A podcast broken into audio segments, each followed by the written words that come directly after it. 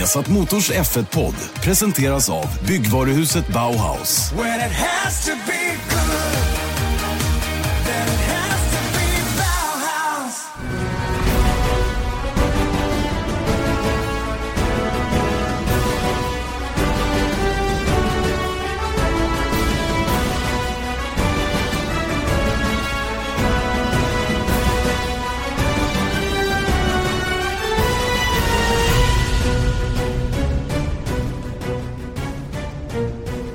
Hjärtligt välkomna till en ny Formel 1-podd. Vi har satt Motors Formel 1-podd. Janne Blomqvist, Erik Stenborg. Erik Stenborg, hej. Hej, hej. Allt bra? Ja, det tycker jag. Toppen. Eh, veckan efter eh, en av eh, säsongsklassikerna, Monacos Grand Prix och eh, det blev ju ett, eh, det har blivit ganska heta diskussioner i efterhand i alla fall. Mm. Kan man Men du, har vi börjat eh, släppa podden så här tidigt i veckan nu? Ja, Det tror jag att vi har, va? eller hur? Lite tidigare? Ja, men vi är lite hetare, lite bättre, lite starkare. Ja, Ja. i varje fall du. Det Jag kanske hänger blir tvärtom på. nästa vecka, det vet man inte. För då åker jag till Kanada och du är kvar hemma. Så då kan det bli lite, När åker du då? ja, onsdag tror jag. Onsdag, men då hinner vi. Ja, då hinner vi innan. Bra. Då är vi på banan i det avseendet. Så då har vi avslöjat att vi kommer att bli lite tidigare, lite bättre. Mm. Eh, som sagt, eh, eh, Monaco. Vilket, eh, vilket race. Mm. Och vilken speciell tillställning det där är. Sen kan jag förvånas över att många tycker att vilket tråkigt race det var. Men hallå, vad, vad förväntar man sig från Monacos Grand Prix? Det går inte att få någonting annat än det vi fick. Mm. Ett, Men, ett schackspel. ja, eh, det, är ju det. Mm. Men sen så tycker jag att det var ganska, du vet de första 30 varven där, det hände ju absolut ingenting. Nej. Och det var där jag tänkte liksom att här, det är alltid någon som kraschar, det är alltid någonting som händer som ställer till det. Mm. Men då åkte de ju verkligen bara, alla bara körde på, körde på, körde Ja, på, körde på i väntan på att någonting Precis. ska hända. Precis. Det är ju helt enkelt en, en, eh, ett, man avvaktar tills man kommer till depåfönstret. Mm. Och den, där har man ju koll på dels säkerhetsbil, var, vad som skulle hända i det avseendet och eh, hur man ligger till i förhållande till den övriga trafiken. Och det är ju naturligtvis viktigt för dem längst fram att sätta upp ett så högt tempo så att de inte kanske tappar mer än fyra bilar. Ja, I Kimi Räikkönens fall då, så kommer han ut som femma Mm. efter sitt depåstopp. Och sen är det ju nästa viktiga grej att räkna på. Var är trafiken? Och det som stökade lite i, i söndags var ju det faktum att Button och Wehrlein gick in efter ett varv och kom lite offset mot alla andra. Hade de inte gjort det, då hade Räikkönens depåstopp varit perfekt och han hade haft fri bana när han kom ut och kunnat ösa på eh, Mm. bevakat sin ledning så att säga. Va? Nu blev det inte så, utan först kom han ikapp Button Wehrlein, jobbade med att ta sig förbi dem. Sen gick han i depå och kom ut bakom igen. Mm. Och det här blev inte bra. Nej. Det kanske var det som kostade dem racet, delvis. Ja, och jag menar, jag, jag förstår lite var vi är på väg Mm. nu och det är ju också att, men de tog ju depåstoppet på första varvet så det var inte, alltså Ferrari var inte förvånade över nej. att de var där Nej. och det är därav, vi pratar såklart om potentiellt sett att det, att det kom en teamorder eller en, vad ska man säga, de kanske inte ordrade Kimi till någonting. Det var inte så här let Michael pass for the championship utan det var någonting annat. Mm. Utan de tog in honom ute på en i full vetskap om att Vad, som, vad det skulle betyda för Exakt. dem. Mm. och eh, vi kan väl nästan inleda med att konstatera att både du och jag tror att det var så. Jag är tämligen övertygad i min värld utifrån vad jag vet och har skaffat mig i form av information runt omkring. Du kan läsa hundratals rapporter från journalister och andra människor som tror sig veta hur det gick till och de kan säkert presentera delvis fakta också som bygger deras story. Men min bild av det hela är ju att Vettel helt klart fick den bättre strategin utav de båda Ferrari-förarna och eh, jag har också sagt, skrivit och, och allt vad jag gjort efter racet att jag är fullt, fullt klar över varför det blev så. Ett självklart beslut hade det varit för mig också om jag hade varit teamchef. Eh, Speciellt i Ferrari. Ja, speciellt i Ferrari men även om jag hade varit någon annanstans. För mig, i det läget som Ferrari är med en ledning på sex poäng över Lewis Hamilton som helt plötsligt får problem Mm. i ett race där det inte går att köra om. Varför skulle man inte satsa allt på ett kort då och försöka vinna och dra ifrån ytterligare? Jag menar Kimi var 49 respektive 55 poäng bakom Vettel och Hamilton innan racet började. Mm. Visst, han skulle kunna plocka in lite grann. Men det är ju bättre att låta Vettel dra iväg om man ser utifrån lagperspektivet så att säga och vem som har bäst förutsättningar. Mm. Självklart är vi tidigt i den här säsongen. Det är bara sjätte racet och det var sjätte racet när Schumacher fick hjälp att passera Barrichello i Österrike, Mm. vilket alla tyckte var helt hårresande. Hur kan de göra det Där, redan den nu? här citatet som jag sa, Exakt. från Tott som ropar över radion eh, Let, Michael, pass for the championship. Ja, nej, det, ju, det var ju bedrövligt. Men det här är inte riktigt samma sak kan jag tycka. Va? Och dessutom så tror jag att Ferrari har en tuffare match i år än det var då. Ja, herregud, Ja. då var det ju ingenting. Nej, Alltså, och det var, ju- väl det som man blev förbannad på. Att Ja. Ferrari var ju helt honom överlägsna vinna, liksom. Men, men det är ju ändå sådär, och det hade varit en hel... De hade ju inte... Hade Bottas varit före Vettel, då hade de ju aldrig gjort det. Nej, Utan det här var ju från Ferraris perspektiv helt riskfritt i att låta deras så kallade förstaförare, om det nu är så, men antagligen i någon form, eh, få sju, po- sju poäng extra mm. utan att tappa en enda pinne i konstruktörs-VM. exakt. Det är ju där också, det är det som gör det, om man bara tar Ferraris eh, perspektiv, en no-brainer. Visst. Och jag menar, en del har menat varför ska de hålla på och jiddra med de två? De hade ju ändå en dubbelseger, men det är just därför de kan jiddra. Mm. Det, dubbelsegern var redan där Mm. och då var det ju piece of cake att flytta position på dem utan att riska någonting egentligen. Då. Sen var det en massa omständigheter också såklart. Som Ja. gjorde det. Och det finns en grej som vi, vi som inte kör racerbil inte fattar när det gäller den här typen av däck som man använder i år och hur det är i Monaco. Några långsamma varv får grym påverkan på greppet, te- däckstemperatur och sådana saker. Va? Både Daniel Ricciardo och Sebastian Vettel utnyttjar i sina respektive luckor när de fick rent framför sig till att göra några magiska varv. Mm. Och jag menar i, i, i Red Bulls fall, Verstappen raceade ju Bottas. Så han var ju tvungen att göra någonting åt Bottas taktik. För Mm. de var ju också rädda för vad det skulle kunna innebära. Det öppnade i sin tur upp för Ricciardo. Mm. Så Verstappen gick från ja, tredje till... Mm. Det var ju fyra stycken väldigt tydliga overcuts, Mm. som det heter. Att inte gå in på att behålla den här banpositionen och sen så när man har fri luft dundra på. Mm. Det var ju Vettel då, redan Ja. nämnt. Ricciardo tog två. Marcus tog faktiskt Ocon.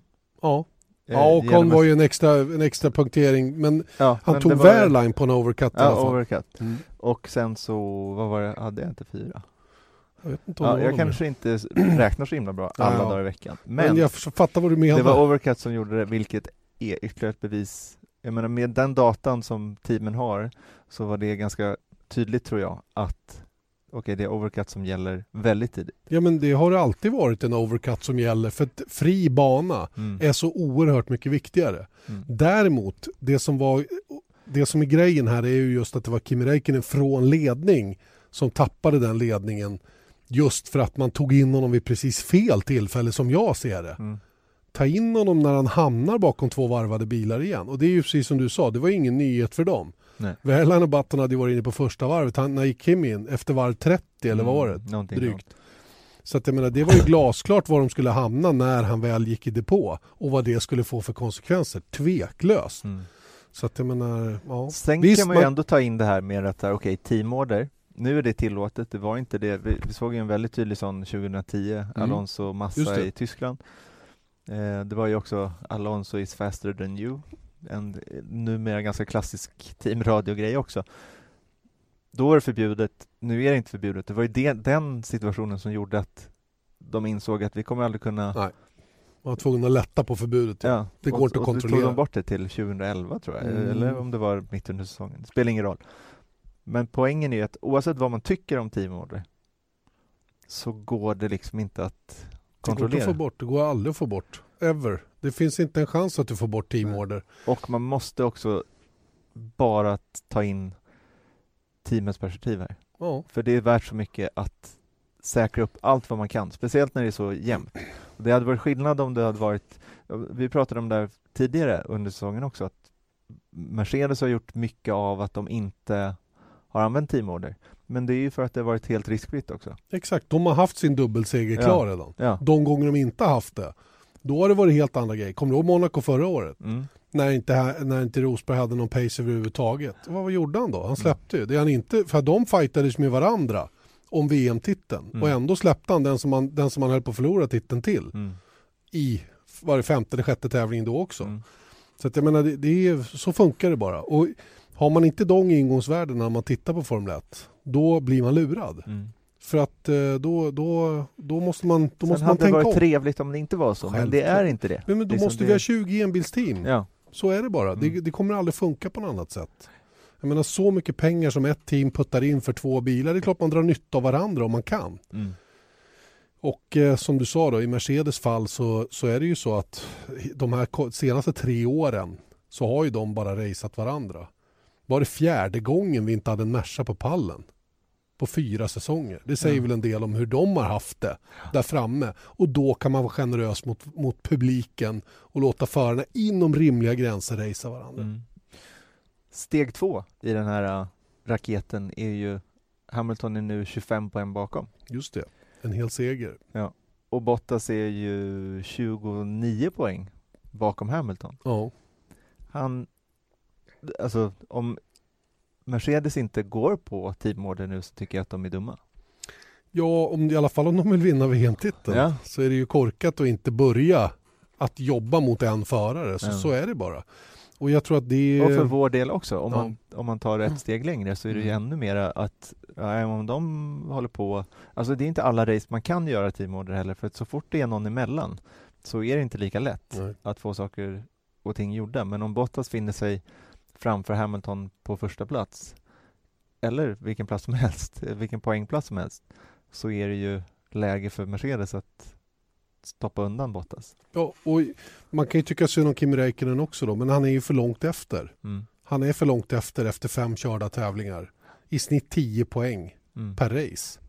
Och det är lite för mycket för att man ska kunna försvara att han inte ska utsättas för den här typen av grejer då som det blev. Som jag tror, jag, eh, jag kan bara säga det utifrån min egen uppfattning, tror att han eh, fick en sämre strategi eh, med ambitionen att få Vettel upp i ledningen utan att dra på sig för mycket ramaskri, vilket det ändå har blivit, i alla fall från hardcore-fansen. Mm. Breddtittaren har nog glömt hela den här grejen efter målgång.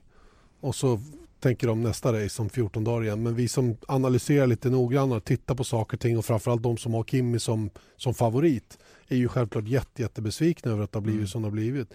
Men man måste också då se... Lilla att det- killen i Spanien, Ja, han, till han, han, exempel. må- han måste vara väldigt ledsen. Jaha, ja, men man måste ha the big picture på Ja. något sätt. Annars blir man som sagt lurad i den här sporten. Va? Det, det vet, går inte att Räkna inte min starka sida där, men jag tror att det är så nu att han är 62 poäng bakom. Stämmer. Stämmer. 62 poäng bakom och sen så, även om han hade fått vinsten, så han alltså varit 55 poäng Mm. bakom. Det är en bra Ja, det avstånd. Det är två hela segrar och en sjunde plats. va? Exakt.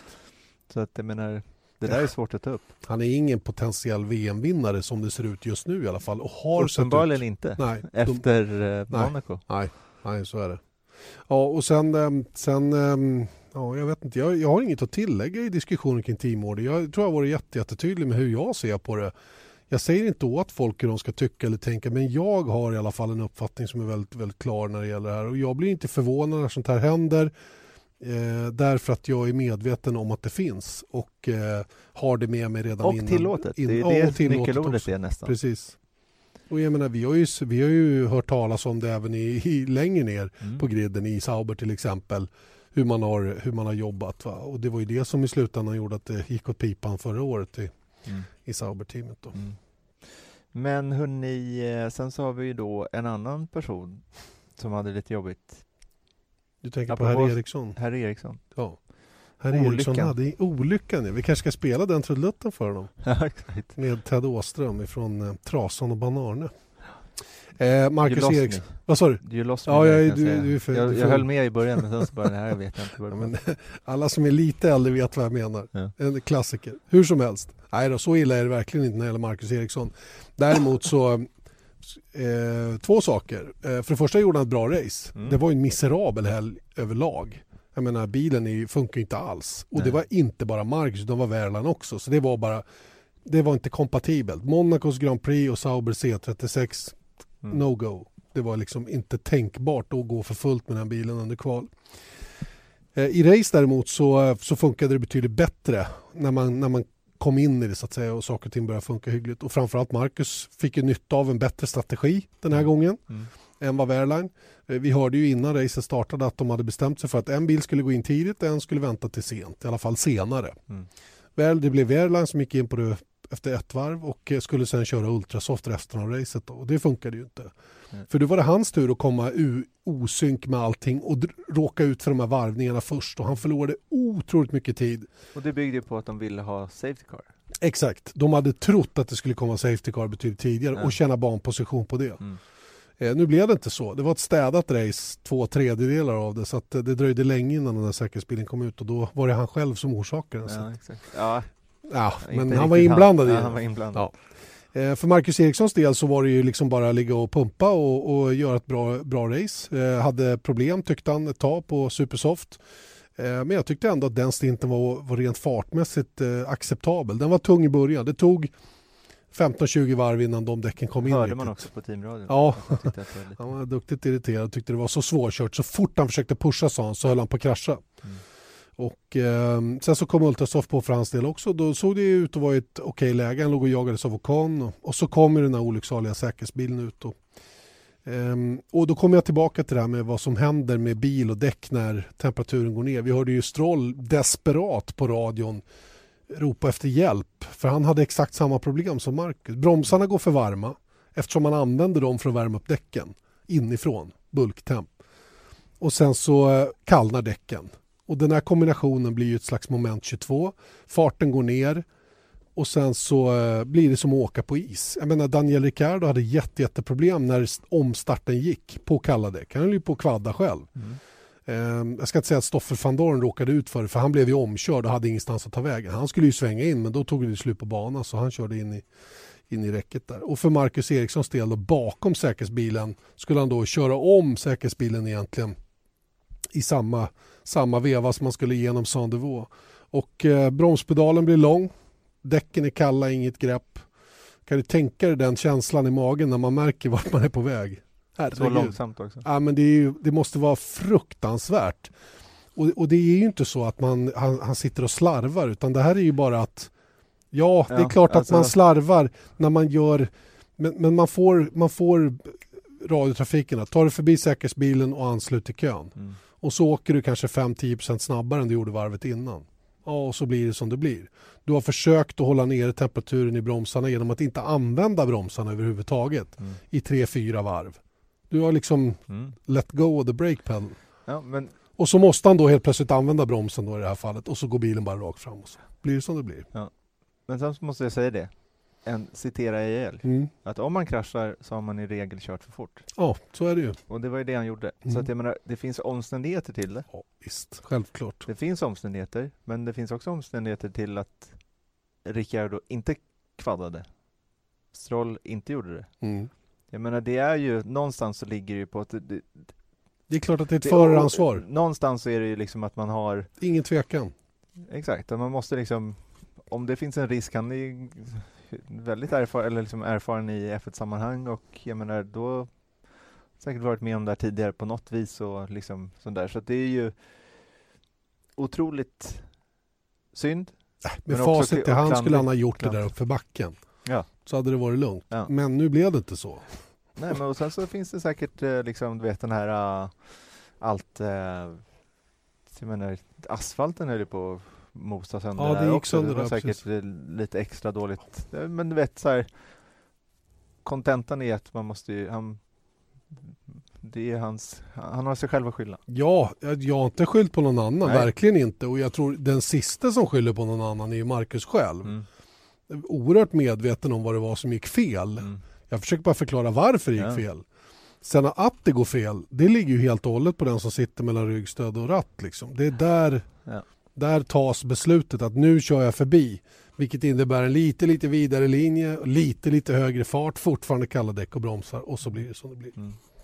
Så att, eh, ja, nej, det var, det var synd. För det där var lite det var dumt på många sätt. För att Marcus behövde ett bra resultat. Mm. Han behövde ett resultat som lugnade ner de värsta kritikerna för han av någon anledning har dragit på sig en väldig massa liksom, antagonister både i Mm. Sverige och utomlands. Eh, Lite oförtjänt kan jag tycka men de finns där i alla fall. Eh, och eh, då kan det vara bra ibland att få, för sin egen skull, Mm. för man blir påverkad av den här opinionen trots allt, att få gå i mål och känna att man har gjort ett okej jobb och kan gå med, med högburet huvud och säga att fan, alltså jag slog, slog min teamkamrat fair and square, vilket han gjorde i söndags. Mm. Och ibland så handlar det inte om att liksom skapa rubriker för att utan ibland om man inte har möjlighet till att ta poäng som Värland gjorde i Spanien till exempel. Då handlar det ju om att göra så bra resultat som möjligt så att man i alla fall inte får negativa rubriker men här är det ju öppet mål då. Ja men nu är jag ju om, man, om man pratar om the perfect opinion. shitstorm skulle Ja. jag kunna säga. Exakt. Och, och, och skit, det är ju vad som kommer just nu på sociala medier. Och där är, där är liksom, folk är ju helt besinningslösa och det blir nästan töntigt åt andra hållet. Att man kan sitta och vara hemma och vara så arg som man håller på att brinner upp över en förare som liksom kör i Formel 1 och liksom gör vad den kan. Det, det är sport vi håller på med, det är Mm. inte liksom världskrig. Nej, Man får ju slappna av lite i alla fall. absolut. Analysen är dock att det var en tråkig händelse Ja. som var han själv var hyll- hyllad. Klantig. Klantigt. Så är det med det. Det var Eriksson det. Och ähm, egentligen Monacos Grand Prix rent generellt. Det här med Värland var lite kul. Jag såg någon intervju han gjorde efter loppet där han, de frågade ah, det var läskigt det där och de pratade med djup stämma. Och, Mm. då skrattade han och sa det där börjar bli en vana sa han, så det är nog rätt lugnt. Jag börjar vänja mig för det där. Exakt. var ju Det nästan, det- han välte till och med åt samma håll under Race of Ja just det, just det, stämmer. Då var det för en massa som var att skylla. Ja. Men det var i alla fall 16 år sedan eh, Ferrari senast vann i Monaco. Mm. 2001 en dubbelseger den gången också. Och eh, hans eh, Vettels 45 vin, Mm. vinst, win. Eh, och man kan konstatera också att 10 av de senaste 24 eh, racen där har vunnits av tyskar. Ja, Rosberg, tack vare många. just det, tre Ja, raka. stycken. Och sen så, ehm, det, det, vet ni att det var Ferrari har varit med sedan början 1950. Vet du hur många gånger de har vunnit i Monaco? Vad kan det vara? 18? Nio. 9 bara? Nio. Det var Så det inte har inte varit någon... ehm, Och Schumi tog väl åtminstone... han vann ju där fem gånger. Ja men vann han varje gång med Ferrari? Nej, det han tror jag inte. Nej. Han måste ju säkert vunnit med Benetton. Ja, ja. Aldrig med Mercedes dock. Nära en gång att kvala i pool. Mm. Och det lustiga är att, vet du när Ferraris sista eh, dubbelseger? Senaste, Mm. eh, innan den i söndags. Mm. Jaha, då ska jag tänka. Det var, jag tror att det var faktiskt eh, Hockenheim 2010.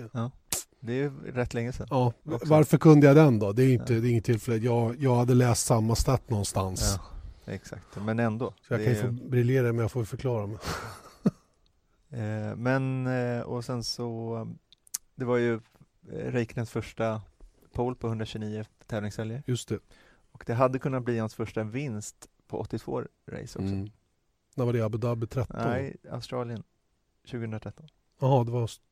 Ja, man vann ju 12 där i, Ja just det, var 12 i Abu Dhabi. i Abu Dhabi. just det.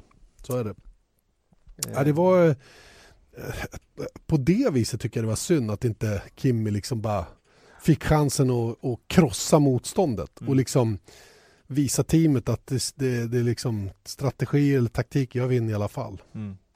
Nej, det, det är faktiskt eh, Det hade varit kul och det är också en sån där grej att det var ju Rickard Rudell som nämnde det i sändningen också att så här, om det nu skulle visa sig att det här är Kimmys sista säsong i F1 Mm. för det har ju kommit ganska mycket indikationer på det och det är väl Det antyds här och där. Ja. ja, exakt. Mm. Eh, sen så kanske den här poolen visar att han, att han har någonting fortfarande i alla fall men, men jag tror inte att han är speciellt sugen på att vara heller på att vara andra fiol och han sa ju det till oss förra året när vi Mm. intervjuade honom att sista teamet jag kör för i Formel 1 är för Ferrari och det sa han ju innan han fick förnyat förtroende förra året. ja, det var i Monaco. Det var i Monaco det var jag som pratade med honom, stämmer det? Ja, och eh, så att han kommer nog inte flytta till ett annat team. Nej, nej, nej. Och jag kan tänka mig att Kimmy efter en sån här behandling, man såg ju honom på podiet, han var inte så här, han var inte muntrare än vanligt, om man säger så. nej. nej. Så att jag tror inte han är speciellt sugen på att vara uttalad andeförare, vilket Nej. han blir då, om det här stämmer. Tror du dock att det, var, att det är inskrivet i kontrakt till och med? Det var Rickard som hade hört Ja, eh, Jag, jag var lite förvånad att han... eh, För sånt har ju Ferrari hållit på med tidigare också. Det är Mm. klart att... Jag skulle, inte, jag skulle inte vara bekväm med det som number one. Att behöva skriva in det i något kontrakt. Det beror på hur ärgirig man är förstås. Va? Men jag skulle vilja vinna. Jag skulle inte vilja vinna på det sättet. Nej, men du är svensk också. Ja, jo, jo, Och du visst. kör inte Formel 1. Nej, verkligen inte. Jo, verkligen inte. Va? Men, eh, men ehm, på något sätt så skulle det bära emot lite grann. Det är ju att fuska på något sätt. Lite, Ja. eller? Ja, jag, vet att, eh, jag har tjatat om den många gånger, men Damon, Damon Hills bok, Just. det var ju att eh, när han var teamkompis med Senna, Mm. så hade han ju, hade Senna inskrivet i kontrakten att han, att han aldrig skulle få no less than equal treatment. Mm. Det är kanske en sån grej, att så här, om valet står att de har en ny framvinge eller någonting som funkar bäst eller att de dubbeltestar olika grejer på en fredag, ja, det visar sig att Kimmis vinge funkar bäst, ja men då är det min. Okej. Förstår du? Det Mm. kanske är en sån eh, Mm. grej, inte att så här, jag ska vinna till varje pris, nu, Kimmy får flytta sig på sig när som helst. Liksom.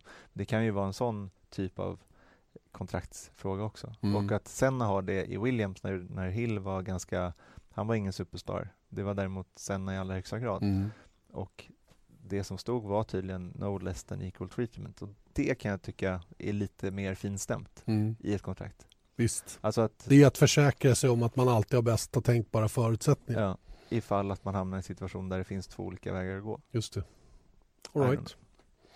Så, så du tror inte att det står inskrivet alltså? Men det kanske står någonting sånt? Ja, ja, ja. Bara. Mm. Mm. Varför inte? Du, eh, det var ju eh, i två race i rad nu så har Pascal Wehrlein råkat ut för eh, tidsbestraffning. Mm. Dels i Barcelona, oerhört värdefullt. De där fem sekunderna var alla dagar i veckan värda att ta. Eh, Den här gången så var det också på vippen att han skulle tappa en placering i samband med depåstoppet.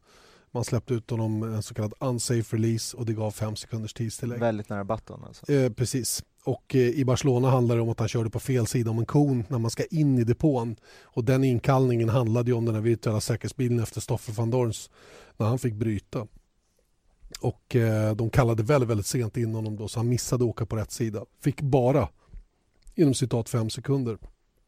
Veckans lyssnarfråga handlar om just detta. Hej Janne och Erik. Jag undrar vad ni tycker om tidsbestraffningarna. Jag personligen kan tycka att Wehrlein kom undan väldigt billigt i Barcelona där han fick möjlighet att ta poäng på grund av att han fick ett kort tidsstraff trots att han tjänade extremt mycket på att missa konen in till depå. Tack för en bra podd. Ja, där hade ni eh, veckans lyssnarfråga. Fredrik som undrar lite grann över det här med tidsbestraffningarna och eh, vilken, vilken påföljd man ska ha för respektive förseelse. Och eh, hans tes är ju här då att Wehrlein vann mycket, mycket mer än han förlorade på det han gjorde. Och straffet motsvarade inte vad han vann på det så att säga. Och eh, nu senast så eh, ja, är det väl inte mycket att säga om de här fem sekunderna. Den här gången var det ju Batton dock som, som hamnade kvar bakom som förlorade på det. Och det enda det kostade, ja de, egentligen de där fem sekunderna skiftade ju bara plats på de två. Mm. Ingenting annat. Nej. Men resten av racet för Button som kanske hade sett annorlunda ut får han ju aldrig tillbaka. Mm. Han hade ju kanske kommit i mål till det första, för det första. För Ja. att han blev frustrerad när han, låg- när han låg bakom Wehrlein och gör en, drar en ganska konstig rövare in i, vad är det, Portier? Portier. Ja, och eh, det var ju dömt att misslyckas. En rövare han inte hade behövt göra om det hade kunnat Exakt. korrigerats på banan till exempel. För det är en Exakt. annan variant på du måste släppa förbi. Ja, varför inte? Det det hade ju kunnat vara en variant. Ja. Och det här är ju alltid intressant med vilken typ av påföljd man har för förseelser som görs på banan. Och eh, det du var noga med att säga innan vi började podden det är ju att om det är situationer där en förare gör någonting mot en annan förare och där den ena är vållande och kanske båda bryter så hjälper det aldrig den, den som är icke-vållande på något sätt att Nej. den andra får en bestraffning. Väldigt, väldigt sällan. Så vad betyder det då? Jo, de straff som man ger de är ju för att avskräcka från att göra dem igen. Eller för att göra dem överhuvudtaget. Och, och avskräcka med bestraffningar brukar sällan funka. Man reagerar instinktivt och det är, det är ingen som funderar på det sättet så att säga. Va? Nej. För man hinner inte Nej, utan det är, för det är, det är sekundbeslut och, och sånt. Va? Det, det, det gör det lite knepigt faktiskt att hitta en, en, en bra straffskala Mm. för eh, grejer som sker på banan. Och jag kan hålla med om den här grejen i, i, Barcelona till exempel att det ska ju aldrig vara värt att ta ett straff. Nej, men det är där det svåra kommer då för att om någon utanför poängplats i Barcelona hade gjort samma sak och säg att man hade höjt det här till en drive-through. Mm. Det är ju 20 sekunder åtminstone. Ja, det är det. Ja, då hade ju det påverkat Verline väldigt mycket men sen så om det är någonting, alltså var går gränsen för bestraffningen är? Och man kan ju inte ha så här en lista. Nej. utan så här, okej okay, men då går vi så här, hur mycket tjänade han och liksom sånt där. Det, det, det går liksom inte att räkna på det sättet. Så att jag tycker det finns alltid eh, vad, vad, ska man säga, att det, ibland så blir det mer träffsäkert än andra gånger. Mm. Men jag tror att det är just problematiken med reglementen i Formel 1 och vilket vi har pratat om många gånger också, är att man kan liksom inte reglera sig ur alla saker. Så att om det finns en specifik grej, om du missar konen i infarten till en på, då får du så mycket. Mm. Och om du tjänar så här mycket, då får du så mycket. Mm. Och då blir det plus bra, då blir det 13 sekunder här. Mm. Det blir väldigt, väldigt komplicerat. Det är enklare att ju ha en standardstraff. Mm. Så ibland så blir det, väl, ja, då blir det väldigt träffsäkert, ibland blir det mindre träffsäkert. Mm. Men samtidigt så är det väldigt lättare att förstå för alla. Och det är som du säger också, att om det är en kalkylerad grej, att nu plöjer jag in i eh, den här föraren framför för att eh, då känner jag på det. Typ eh, Jerez 97 eh, Schumacher. Ja, det är en helt annan grej. Eh, men här är ju någonting som händer instinktivt. Det var ju frej på Jerez 97 också. Mm. Men Sauber, jag kan nästan garantera att Sauber i det fallet när de kallade in Wehrlein, de var inte helt säkra på Kommer han missa konen nu eller inte? Nej, de ja, det kommer han göra, men vi tar honom ändå. Ja, nej, för, det, nej. för då hade han varit på, ute på start och målraken när de hade tänkt klart det. Mm. Så då var det mer så här, in nu! Mm. Så, och, Och så råkade det in. bli så. Ja, Ja. exakt. Så att jag menar, det, det går inte riktigt kontrollera. Och jag, och jag tycker samtidigt då, om man tittar på andra bestraffningar, att de är mera eh, återhållsamma med race incidents till exempel. Det är också en väldigt bra grej. Sen så när det är sådana här äh, rövar... Vårdslös körning, det ska alltid beivras och det ska beivras hårt. Exakt. Mera sådana grejer. Men, men jag håller med dig om att det, det är knepigt där. Och, och förr var det ju så att det fanns egentligen 10 sekunders stop and go Mm. eller en drive-through. Det var de två bestraffningarna som fanns. Och så, och så körde de eh, en kilometer för fort i depån. Och så, och så fick, ja det är bara att komma tillbaka in en gång till och så var racet över. Ja. Det var inte heller rimligt. Eller hur? Nej. Och, då, det var ju då man började titta på hur kan vi göra det här då? Mm. Ja, då kan vi ge fem sekunder. Det är rimligt. Mm. Det är väldigt Men rimligt för en sån förseelse. som att de där fem sekunderna är ju att om du har ett depåstopp kvar så får du stanna kvar fem sekunder extra. Mm. Då är du helt plötsligt på en annan spelplan också. För Mm. att om du går in i depå och måste stanna där, det är svårare att räkna på. Men nu är det så här, om man tittar på Verlan i Barcelona när han hade fem sekunder, Mm.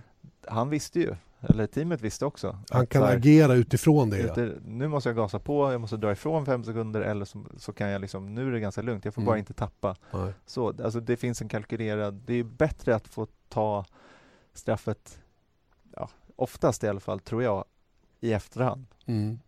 tidstillägg, än att ta det vid ett påstånd, Mm. till exempel. Till exempel ja. Men sen så, jag menar, eh, Button kommer säkert få en bestraffning efter det han gjorde i Monaco. Mm. Men vad tjänar Wehrlein på det? Till, till vilken nytta? Ja. Ja. Att de ska till att börja med inte köra någon Ja, mer. exakt. Så att, Och, och Wehrlein kommer inte att slutfört sitt race i alla fall. nej. Eh, och, eh, men däremot så kan jag tycka att i den situationen så hade det varit bättre att de hade sagt bara. Och där kan jag tycka att det är lite trögt systemet. Okej, Wehrlein, du är bedömd för att ha gjort en unsafe release. Teamet släppte dig. Det är inte Wehrlein som får straffet av teamet. Ja. Men vi beordrar dig att byta plats med Jenson Button och du har två varv på dig att göra det. Ja. Då, då, hade det varit, då hade de varit hemma och de där fem sekunderna de gör ju varken till eller från för Wehrlein i ett sånt här race. Exakt. Och då hade det varit bättre på en sån här bana att ha den typen av påföljd istället. Alla att du får släppa. Om det, är ja. ty- om det är en tydlig, för jag menar så är det ju så här, en illegal overtake, Mm. då får du släppa tillbaks. Då Ja. har du en viss tidsmarginal och det är Just. inte två varv utan det är så här Tre 20 kurvor. Ja, någonting sånt. Och så Mm. släpp tillbaks. Mm. Det är ju mycket skarpare instrument. Mm. Så det kan jag tycka att de borde ha gjort istället. Ja, ja det, där är en, det där är en knepig fråga att svara på. Den är, den är bra, viktig. Bra Mm. Fredrik att ta upp den. Och eh, visst, ibland tjänar man på det som Verlan gjorde i Barcelona och ibland förlorar man på det. Mm. Som kan ske då om det är en väldigt, väldigt tight fight och man har kanske ett stopp kvar att göra och blir stående fem sekunder och tappar kanske fyra bilar. Ja. Och är man offer så förlorar man till 99,9 procent av fallen på det. Oavsett ja. Ja. ja. Visst är det så. Alright. Ehm, sen måste vi väl ändå beröra Indianapolis 500. Ja, en sista är gång. inget, Annars är det ingen F1-podd. Nej, på något sätt så är det inte det. Det här är en, eh, slutet av en era. Ja, ja verkligen. Den tar slut nu. Det är det. Och eh, det här handlar ju förstås om, eh, om eh, det faktum att Alonso då eh, stod över ett race i Formel 1 och stack till USA och körde Indy 500. Och som jag uppfattade, jag såg bara de sista 20 varven, gjorde det med den äran. Mm. Eh, lite ironiskt dock att eh, Honda-motorn, Inte så lite nej, tycka. väldigt ironiskt, att det är just Honda-motorn som, som sviker igen då. Och hela den här PR-kuppen som det var tänkt att vara gick lite hål i den kan man väl säga. Ballongen Det var pyste det ur värsta som kunde hända för Honda. från Honda så. Ja. De fick ju lite tillbaka i och med att det var en Honda som vann ändå. Och Ja, det dessutom var en japan. Så säg att det blev plus minus noll då Ja. på det sättet för Honda. Men, men hela grejen med Alonso start i Indy det var som sagt det sista Ja. som skulle hända. Att, att motorn var det som gav upp så att säga. Ja. Och jag menar, det var ju alla Honda-motorer som alla motorer som gick var ju Honda-motorer Mm. också. Så där, vi pratade om att de verkar funka bra i, i Indy och det gör de ju. Jag menar, de vann ju. Men, det, men det tyder väl på att de körde dem lite på, på gränsen för, för vad de tålde och det gav dem också segern mm. i racet. För det var ju sjukt imponerande av Sato i slutet där att, Ja. eh, att ha eh, den farten. Att gå om vid precis rätt tillfälle och sen så klara sig hela vägen in i mål. Mm. 40 år gammal, 40 år gammal. Ja. Takuma Sato. Takuma Sato. Ex Jordan, ex Bar Honda. Just det, och eh, ja, duktigt. Mm. Jättebra gjort. Jag gillar honom. Ja, han Jag har ett sånt starkt minne av just Sato. Det här är ju roligt egentligen och det är ruskigt internt. Det var faktiskt innan vi jobbade på Viasat så var vi på TV4 och gjorde ett race ihop med Kalle Rosenblad. Japans Grand Prix. Och så, och så går Takuma Sato i mål som femma tror jag och tar poäng för Jordan. Och på hemmaplan. Och det var vilt jubel och hej och han blir intervjuad direkt ner när han kliver ur bilen. Och, och Kalle och jag är tysta. Och, och vi lyssnar på det här som sker på japanska och Kalle börjar översätta vet du, och börjar Ja. säga att ja, jag körde med turkalsonger och det var därför jag var, liksom klarade det här och hela den. Och jag tittar på Kalle och sa, kan du japanska? Så, Nej, så Han bara satt och hittade på alltihopa. Så, så det var en himla kul, himla kul grej. Och det är så typiskt Kalle Rosenblad. Ja. Kalle som är själv gammal racerförare en gång i tiden och har kört både Formel 3000 och mycket på Le Mans. Eh, STCC. Ja. Kör lite fortfarande. Kör spa 24 timmar ibland. Ja, någon gång då och då. Cykla, han cyklar mest nu Ja, och är ohyggligt duktig på att cykla. Oavsett så, bara så att ni vet vem han är. Ja. Han var bisittare den gången, så det var lite kul. Men det var just Sato och i Jordan den gången. Ehm, ja, vad ska vi säga mer då? Alla hyllar ju Alonso som slags vinnare då. Han vann liksom allas hjärtan och Mm. hela den här grejen. Och, och I det avseendet får man ju säga att den här, det här spektaklet då gick vägen för McLaren och Zac Brown då som Mm. jag tyckte var mästerlig i att liksom lägga upp hela den här bollen på planen på något sätt. En till mästerlig grej är att de går ut då och Zac Brown meddelar då att men vi tar inget, äh, för det, bilen var ju sponsrad av Chandon och Mm. de här äh, SAP som Mm. de har som äh, huvudsponsorer i F1. De tog inte extra betalt från de här äh, Nej, sponsorerna för att vara med på Indy utan det var ett sätt att ge tillbaka. Just det. För att, eh, och, och då är den ju fullkomligt vettig i och för sig. Sen så är ju det, även det en PR-grej att eh, se hur marknadsföringsbara McLaren är. För här, får man, här lyfter de sig själva i håret för att vi ska må bra som sponsorer. Verkligen. Men det var ändå väldigt snyggt tycker jag att de inte gör det utan då säger de så här, men vi är medvetna om att det vi har sålt in det här på har inte motsvarat förväntningarna för våra sponsorer och då var det här ett sätt att ge tillbaka. Mm. Och jag menar det är oerhört smart av den anledningen också. För då kanske de känner sig, ja men trevligt. Ja. Ja. De, de, eh, de visar god vilja och då Ja. kommer de att göra det tillbaka genom att fortsätta och förlänga ett avtal eller vad det nu kan vara. Mm. Sen går det inte heller att släppa Indy 500 eh, efter, efter racet med de här krascherna som var, eller framförallt den kraschen som var med Scott Dixon. Mm det var ju en, en eh, hårresande historia som, som turligt nog aldrig tog tvärstopp någonstans. Han flög upp i luften efter en bil tappade kontrollen. Jag kommer inte ihåg vem det var. Körde in i baken på den, flög upp i luften och slog i alla möjliga saker innan den slog sönder bilen och tappade motorn. Så det var egentligen bara säkerhetscellen som var kvar. Och hade han landat kanske 20 meter längre fram eller på något annat ställe så hade det kunnat sluta riktigt illa. Nu var det väl bara en lite skadad fot tror jag för Scott Dixons del. I övrigt så kunde han kliva ur eh, oskadd, omtumlad och mörbultad men i övrigt oskadd och det är ju ett gott tecken på att de här bilarna också är väldigt säkert byggda med säkerhetscellen då som håller ihop. Men jag, jag, jag vet inte om jag var inne på det förra veckan redan, det här med att racea i de här farterna. Ja, det, det, är ju inte konstigt att det blir väldigt stora konsekvenser vid en krasch. Och jag menar Sebastian Bourdais som visserligen är på benen igen men opererades för, för frakturer i bäcken, bäcken och, och höft och sådana saker. Det är ju ja, det, de har en crash rate där och en skade, skadetrend som inte många sporter skulle kunna klara. Nej, det är nog ganska ont mm. att göra det. Men sen så tycker jag en annan kul grej att det var ju bara så fem varv från mål eller någonting som Max Chilton ja. ledde. Det var ganska kul för jag tänkte så här, okej okay, Rossi, gammal Manor-förare, Chilton, gammal Manor-förare. Mm. Det är rätt roligt mm. att uh, tänka sig att ja, men då kommer ju Roberto Meri och Will Stevens kommer komma flygande till nästa år. Exakt. För att bara, vi verkar vinna här. Exakt. Alla som har suttit i Manor-bil vinner Indy 500. Ja, det var inte långt ifrån. Verkligen Nej, verkligen inte. Det var bra. Han kom fyra tror jag. Ja, Meri som jag såg för övrigt, kör, han cyklar väldigt mycket och tävlar faktiskt cyklar, eh, på cykel. Han körde någon Vuelta-tävling hemma i Spanien så att han, han kanske har bytt karriär, jag vet inte. Han och Kalle Rosenblad? Typ. That's the way to go. Mm. Hörrni, då ska vi bara runda av den här podden med någonting väldigt kul. Mm. Nämligen det faktum att vi får en ny svensk i Formel 1. I en Formel 1-bil i alla fall. Mm. Nämligen eh, Gustav Malja. Ja, jag menar dig. Ja. Så jag kommer till det sen. Ja. Men vi börjar med den riktiga. Ja. Nämligen Gustav Malja eh, våra Formel 2-förare då som gjorde en jättefin helg i Monaco racemässigt med två fina resultat. Eh, han var sexa och trea i de båda racen och fick med sig bra med mästerskapspoäng. En pallplats då i det andra racet såklart. Och det kunde ju inte passa bättre då när det senare då i, eh, idag när den här spelas in podden tisdag efter efter Monacos Grand Prix då blev bekräftat att Gustav Malja kommer att köra den här testen som ska köras efter Ungerns Grand Prix i Budapest för just Sauber. Då. Mm. Väldigt, väldigt kul. Det var nästan, eh, jag är lite nöjd också för vi pratade om det här för några veckor sedan om, om att på en annan lyssnarfråga vem som eh, ligger närmast F1 och då sa jag Gustav Malja. Mm. Så eh, varsågoda allihopa. Magkänsla. Ja, verkligen. Nåväl. Ja. Eh, oerhört kul som sagt och eh, vi, eh, vi eh, eller vad, vad, vad, känner du kring det så att säga? Alltså, jag menar, det är ju svårt att liksom så dra allt för stora växlar på det, för det är ju en test till att börja med. Eh, jag förutsätter att, eh, att eh, det, det, finns en, en eh, betalning bakom som gör att det, att, det, att det händer överhuvudtaget. Men oavsett så måste det ju vara intressant för ett FI-team för att överhuvudtaget få en test oavsett om anledningen till det.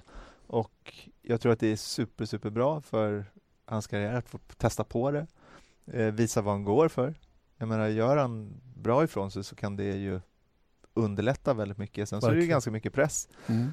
att genomföra en sån här grej, för att om det inte går så bra, han ger ingen vidare feedback eller han eh, gör något misstag eller till och med i värsta fall åker av. Och ja, snurrar av i någon mm. folla och sen så är den där vingen de ska testa sönder och då är det ingen idé att köra. Liksom. Alltså mm. de kommer köra så länge bilen sitter ihop. Men det, det är eh, ett stort kliv till och med att få testa Formel 1 på riktigt. Verkligen. Sen är det tufft att göra det i år när bilarna ja. är så annorlunda mot hur de har varit tidigare. Fartskillnaden är alltså ytterligare fem sekunder mot GP2 mot vad den var förra året. Så att hoppet emellan var mindre tidigare, i år betydligt större. Och vi har ju sett de som är nya i Formel 1 i år ha ganska tufft med den omställningen så att säga. Så att på det viset kan det vara lite jobbigt. Mm. Men det är ingen idé att vi sitter och tycker det. Det är bättre att vi frågar Gustav själv vad han tycker om att få göra den här testen med Sauber. Ja, det är otroligt kul. Det är en uh, stor ära och uh, jag är väldigt, väldigt glad och ser mycket fram emot att, uh, att få ratta runt en Formel 1 i, i Budapest. När fick du reda på att det här skulle ske? Det vill jag faktiskt inte säga, men jag visste det innan, innan idag. Så att um, jag har kunnat se fram emot det, men jag vill inte säga när jag fick reda på det. Men, men när började diskussionen om man säger så? När liksom började du känna att det fanns, uh, fanns läge för att få till något sånt här?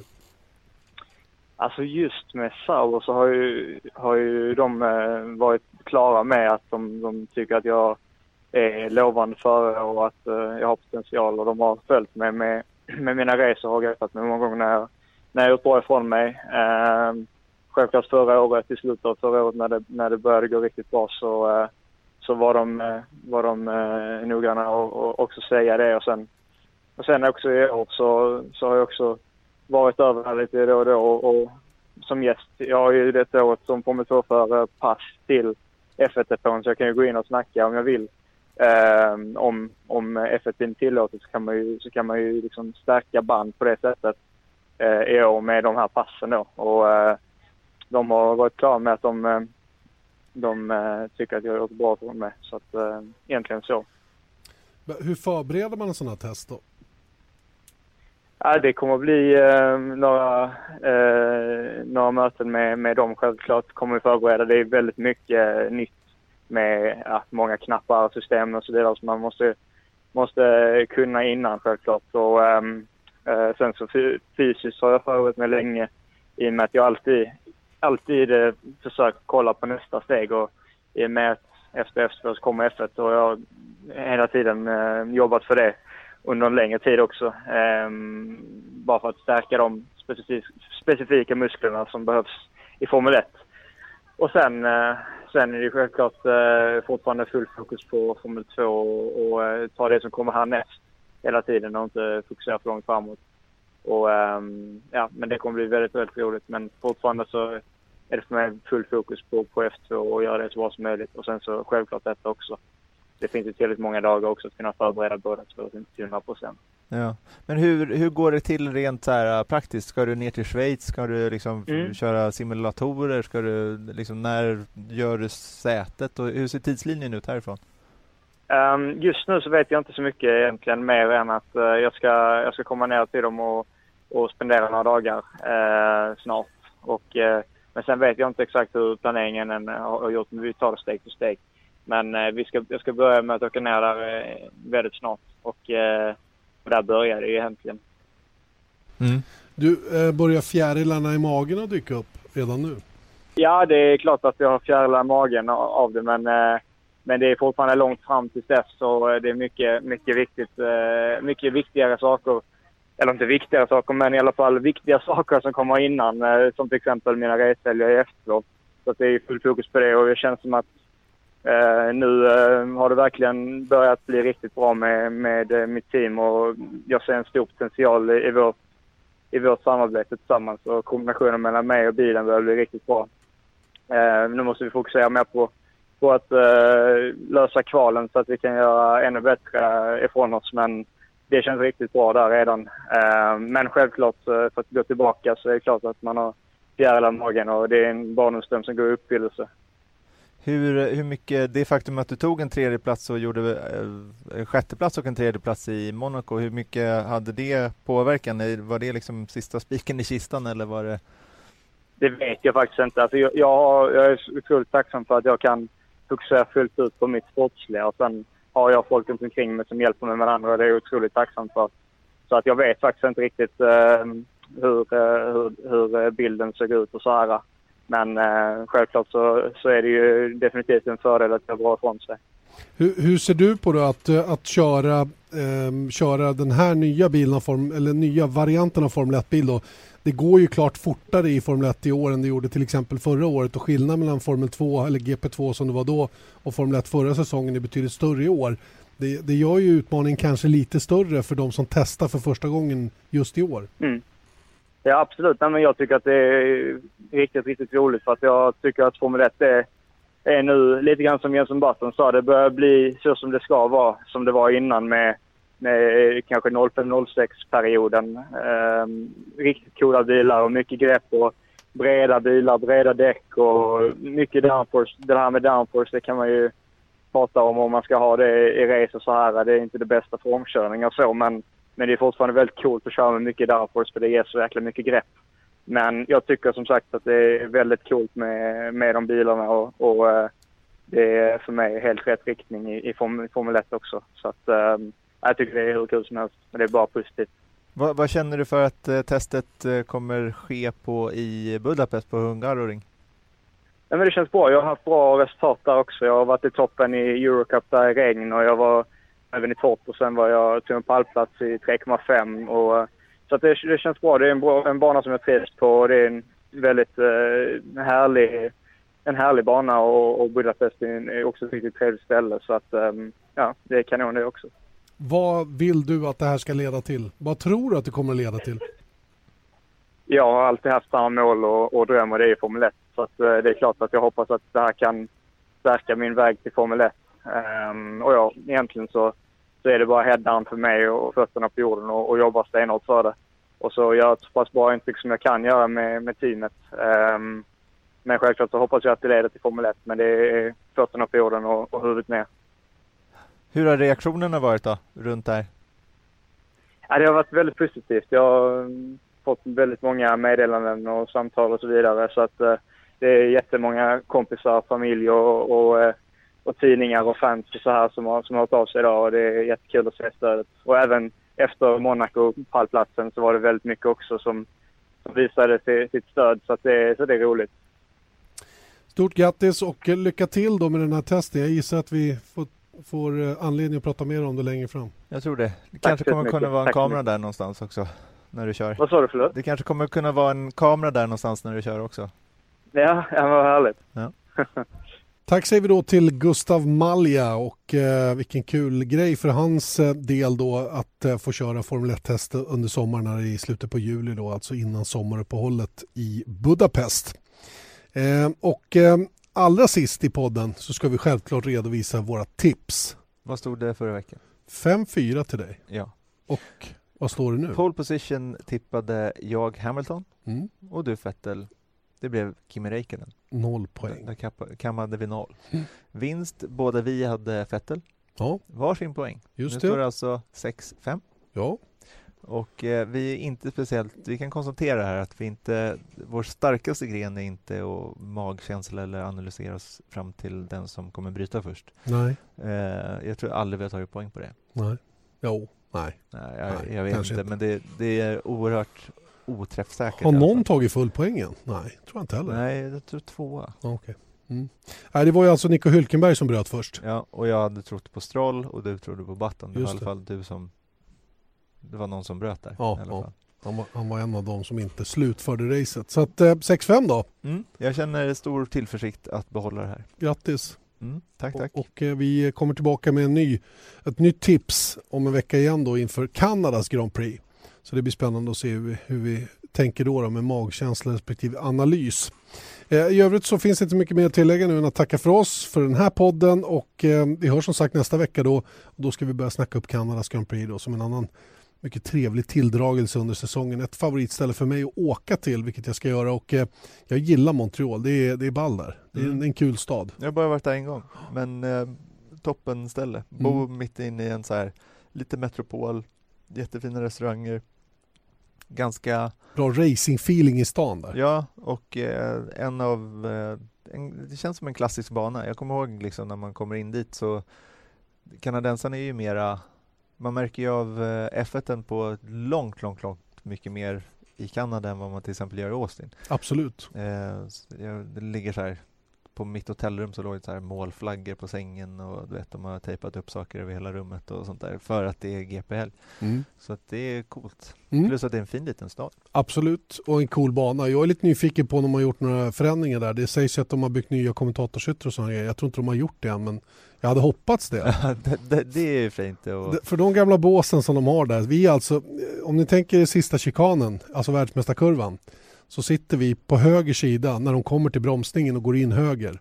Där har vi en stor grå, grå byggnad. Där sitter alla ja. tv-kommentatorer och Otroligt konstigt sätt att gå. Det finns ingen tunnel dit nej, nej. eller någonting. Man måste liksom vänta tills det inte är en track activity för annars kommer du inte över. Då måste du gå över banan. Ja, då får man gå en bra bit och så över en bro och sen tillbaka. Ja. Det är jättejobbigt. Ja. Dåligt. Så, och eh, jag menar gemytligheten där inne inte så hög heller. Nej, men den är väldigt, vi- det är väldigt så här intimt. Ja, jo, det är det. Nåväl, vi ser fram emot det och ber som sagt att få återkomma om en vecka igen. Tack så länge säger vi då från Formel 1-poddens sida, Janne Blomqvist och Erik Stenborg. Vesat Motors F1-podd presenterades av byggvaruhuset Bauhaus.